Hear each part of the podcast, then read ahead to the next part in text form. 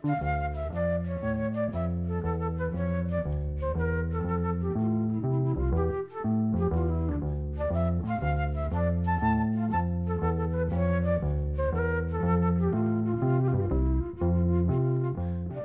sæl. Tónlist af fyrstu soloplötu Magnúsa Kjartanssonar verður í forgrunni í þessum þætti.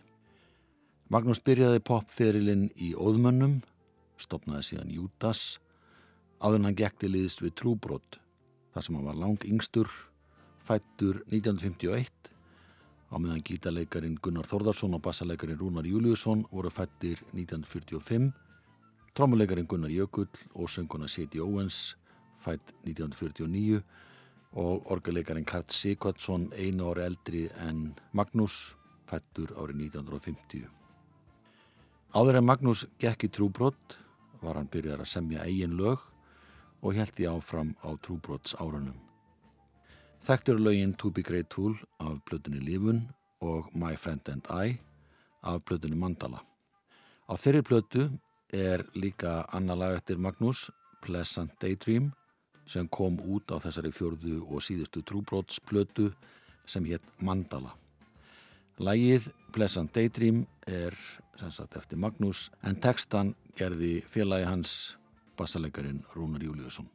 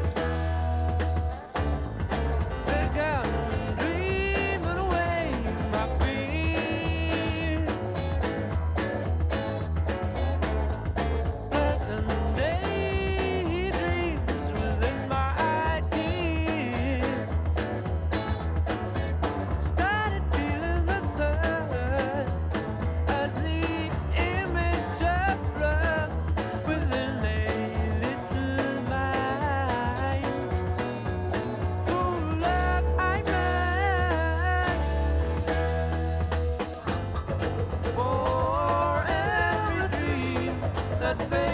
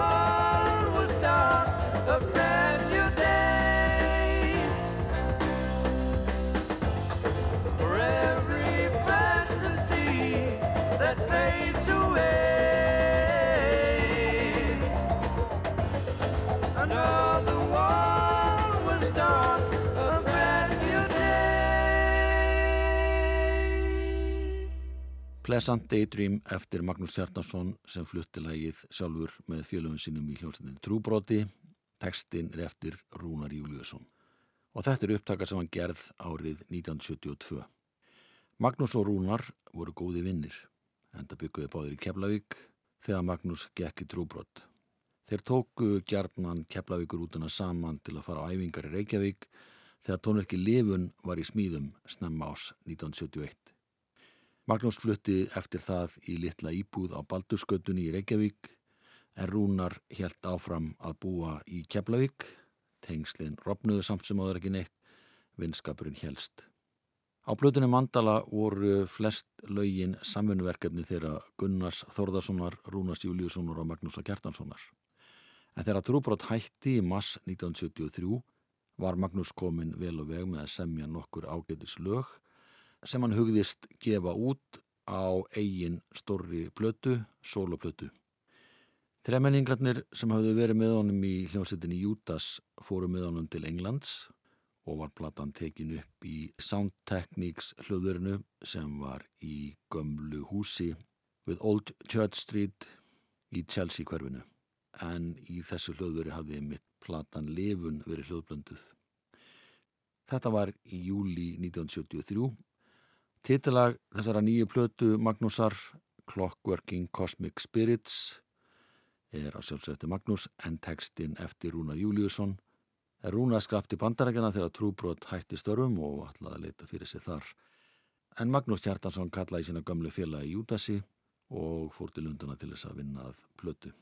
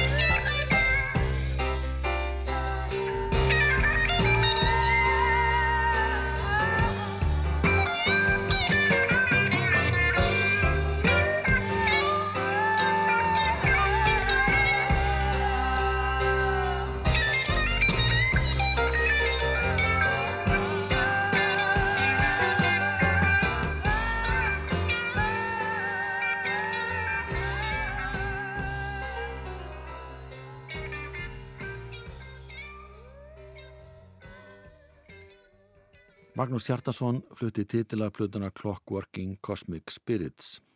Magnús spilaði á piano og söng aðalröddina. Bróðir hans Finnbói Hjartarsson spilaði á bassa, Vigni Bergmann á gítar og Hrólfi Gunnarsson á trommur.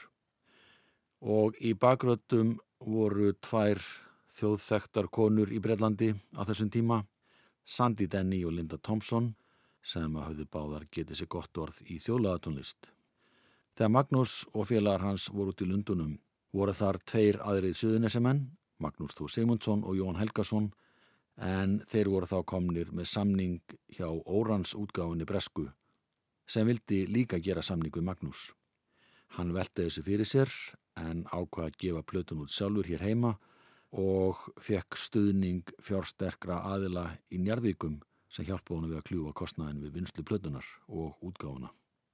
Plata kom á markað hér á landi réttur í jólinn 1973 og við ætlum að heyra lag sem heitir Sweet Little Lady Friend, lag sem að Magnús samti þegar hann bjó á Baldurskutin í Reykjavík og stúlkan sem umræðir í þessu lagi er kærasta Magnúsar, tekstinn er eftir Rúnar Júliusson.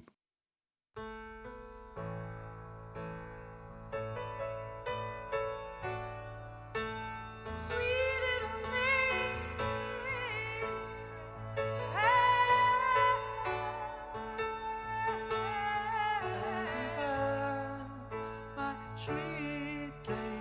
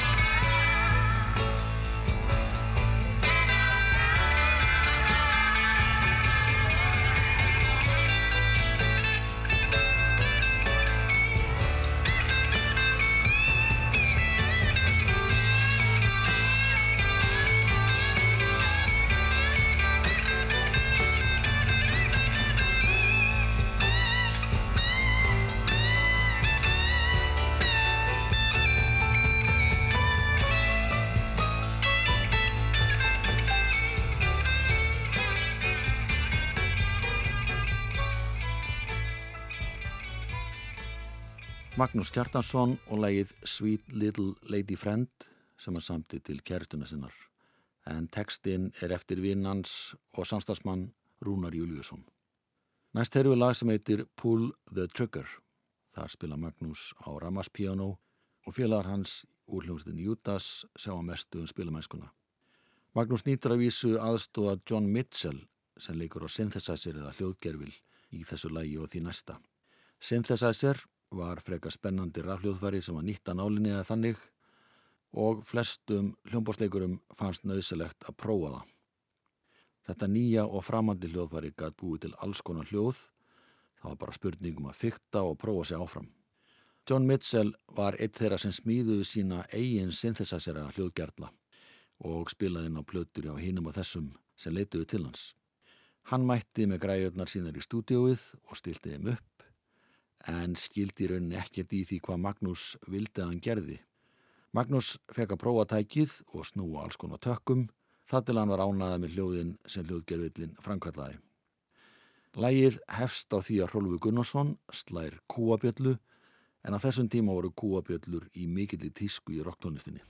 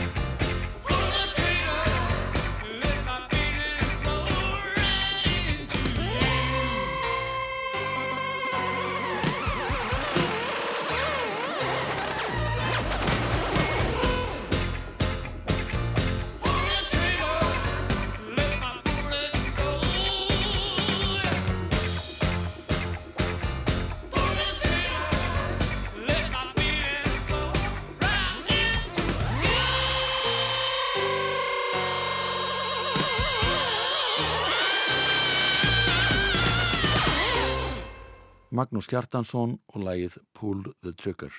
Hljóðgerðilinn sem að John Mitchell mætti með í hljóðverið skapaði þessi sérgennu hljóð sem að herðust inn í læginu.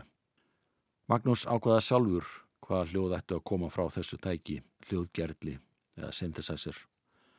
En John Mitchell átt að spila á það og hann var ekki alveg með það á hreinu hvað Magnús var að byggja um hvers konar hljóð hann vildi fá þannig að Magnús ákvaða það bara sjálfur. Magnús vildi nota tækið í þremu lögum og John Mitchell sem ætti með tækið, hann tók að sjálfsögðu tímakaupp. Það kostiði 50 pund eða 1200 krónur íslenskar fyrir 1,5 klukkutíma og í dag væri þetta svona um það byl 10.000 krónur. Vigna Bergman ítir undir stemminguna í læginu með hröðum ritmagítaleik eins og týðkaðist í funk og salatónlist en solopötan Clockworking Cosmic Spirits inniheldur tíu lög af ýmsutægi sem eru flest eftir Magnús en gítaleikari Vigna Bergman aðstóða hann við gerð lagsins Stay With Me sem er fyrsta lægið á hlið 2. Það byrjar á gúaböllu eins og lægi sem herði mér á undan en annars spila gítarin skemmtilega rullu og svo er saksamáleikari Steve Gregory sem stígur inn og skila sínu með sóma.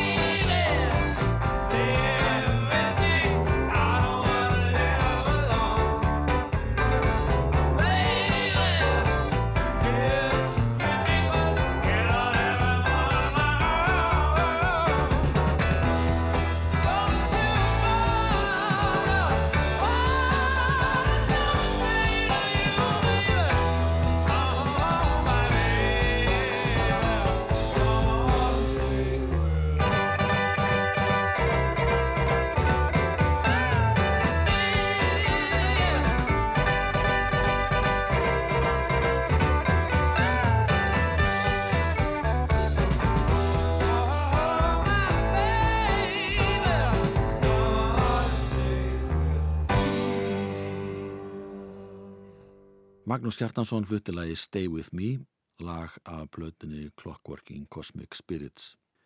Þegar Magnús kom aftur heim til Íslands eftir hálsmónar upptökuferð í Breitlandi, hitt hann bladamann Dablasins Tímans. Í spjalli þeirra kom fram að Magnús hefði stopnað plötufyrirtækið MM Records til að gefa plötun út sjálfur.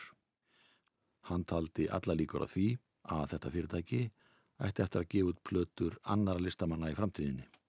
Draumurinn, sagði Magnús, var sá að setja á lækirnar fjölrása hljóðver á Íslandi svo að menn þyrtti ekki að eigða miklum peningum í ferðalög og gistikostnað í útlöndum. Hann hefði til dæmis ekki haft efna á nema 60 stúdiotímum til þess að taka alla plötuna upp og hljóðblandana á meðan enski tónlistamenn notuðu kannski 60 tíma til þess að klára eitt lag. Svo þurft að borga fyrir auka hljóðfærarleikara, upptökumann og leigun á hljóðveruna sjálfsögðu og segulböndin. Þeir æfðu vel í stapanum áður en var farið út til að spara tíma og penninga. Fyrsta daginn í upptökuverunu tókuður upp sjö lög til pröfu og hlustuðu síðan á þau þegar þau komu á hótelið. Þeir voru með segubannstæki með sér og gáttu hlusta á hótelinu. Fyrstu upptökudagurinn var 9. júli. En þeir báru upptökuna saman við það sem þeir höfðu verið að spila heima á Íslandi fannst þeim öll lögin verið allt úr hröð og kendu um stressi við þessa nýju aðstæður. En svo kom í ljósa ástafan var allt önnur. Þetta reist af því að það var mismunur á strömstyrk á millilanda. Strömstyrkurinn á Englandi er 230 volt en á Íslandi 220 volt. Og þegar eru uppgötuðu þetta þá góður þetta andaléttar. Þetta var alls ekki svo hratt.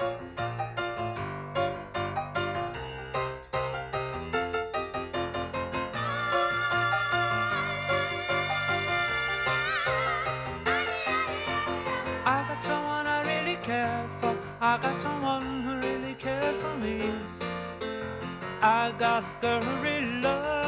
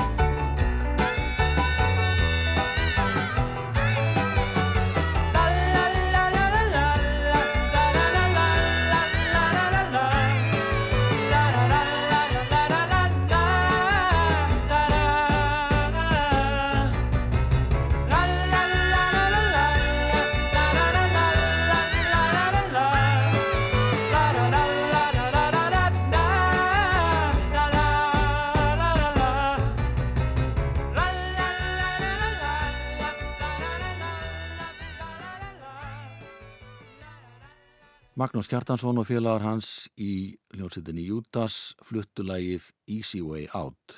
Þeir tóku nokkur að daga frí eftir þennan fyrsta dag, spókuðu sig í borginni, fóru á tónleika, skoðuðu hljóðfæraverslanir og svona sitt hvað fleira. Mætti síðan aftur í hljóðverið klukkan 21 að kvöldi 13. júli. Þar tókuðu þeir upp grunnspil nokkura laga, langt fram á nótt og nóttina eftir tókuðu þeir upp fleiri lög Síðan var hafist handa við að bæta við fleiri hljóðfærum, taka upp sólokabla og söng. Svona ferli tekur alltaf dálítinn tíma og það mátti í raunni ekkert dvelja við neitt lengi því að hver einasta mínútu skipti máli. Hljóðvisklukkutímin var rándýr á þessum tíma. Það skapaðist til dæmis talsverð streyta þegar endurstilla þurfti gítar sem var ramfalskur. Þetta tók um klukkustund og upptökumannunum fannst þeir vera allt og stressaður yfir þessu. Þetta væri raun ekki tiltökumál. Og nefndi það meðal annars að Death Row 12 hefðu notað heila viku í að taka upp eitt lag alveg nýlega. Já, það er dýrt að vera frá litlu landi þar sem að markaðurinn er ekki stærri en líti hverfi í Lundunaborg en þeim tókst að klára plötuvinslan á hálfumániði með nokkur hlíðum á milli en hefðu alveg öruglega viljað fá aðeins lengri tíma sérstaklega til að hljóðblanda lögin. Við heyrum nú lag sem heitir Pollution, það er eftir gítalegaran Vigni Bergman, textin er eftir Mooney.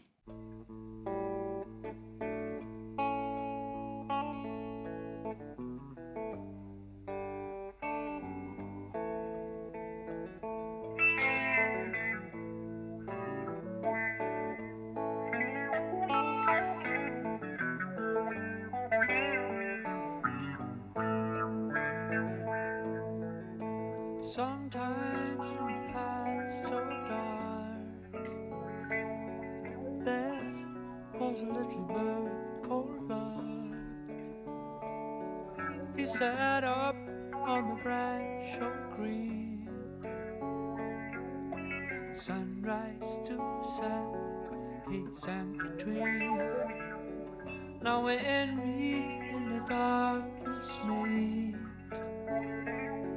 We never hear the birds so sweet. We know it's not the greenest branch. Sunset or horizon.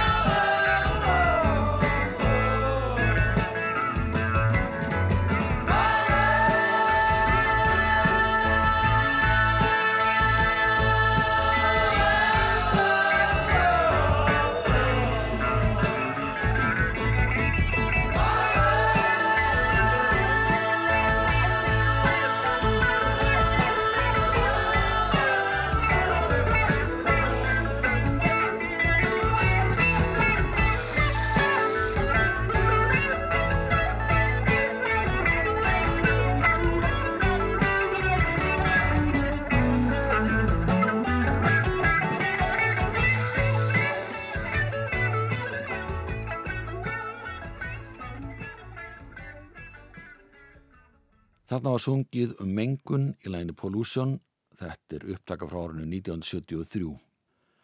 Magnús Kjartansson saði frá því þegar að platan var gefin út að kostnari við upptökuna, ferðalægið, gistingu, pressun, prentun og sikka fleira væri komin í 1,5 miljón sem var tölfur upphæð árið 1973. Sangant velas reknivel hagstofunar samsvara það um 11,5 miljón króna á núbyrði. Magnús sagði frá því að hann og strákarnir hefur verið kauplusir í hálft ár meðan þeir undirbyggu upptökuvinnuna og hann í lengri tíma vegna þess að hann sá alfari sjálfur um útgáfuna. Magnús greindi frá því að vinnur hans John Miles, gítaleikari og hljómbósleikari, væri búin að taka upp lægið Pull the Trigger og það væri nú að koma út á lítilli plöti í Breitlandi og víðar. Það fara enga sögur af vinsaldu þesslags utan landsteinuna. En áður en stóraplatan með Magnúsi var gefin út, kom út hér á landi sjöttómi smárskífa með tveimu lögum sem voru líka að finna á stóraplutinni. Það voru lögin I Didn't Know og I Know It's True.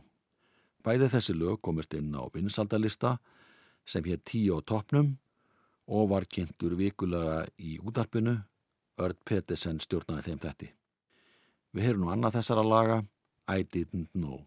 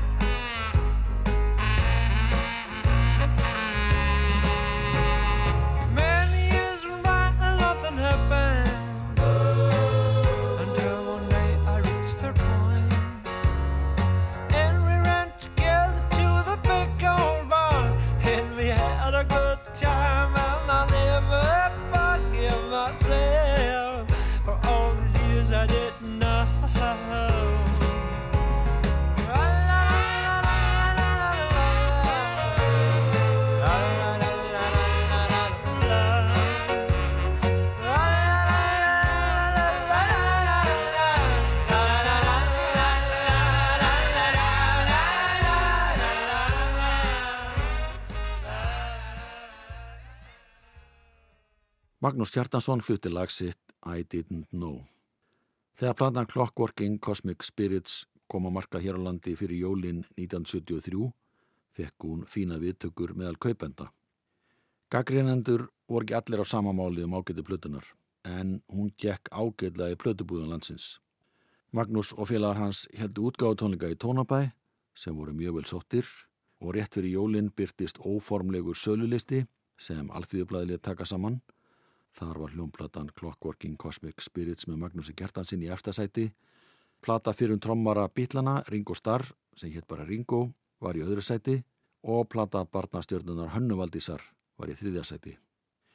Fyrstu 1000 eindögg plötunar seldust upp og síðan kom annað upplag rétt fyrir jólinn sem kláraðist líka. Við ætlum að ljúka þættunum á lagi sem heitir Helga, það naut talsverða vinsalda á sínum tíma. Takk fyrir að hlusta, verðið sæl.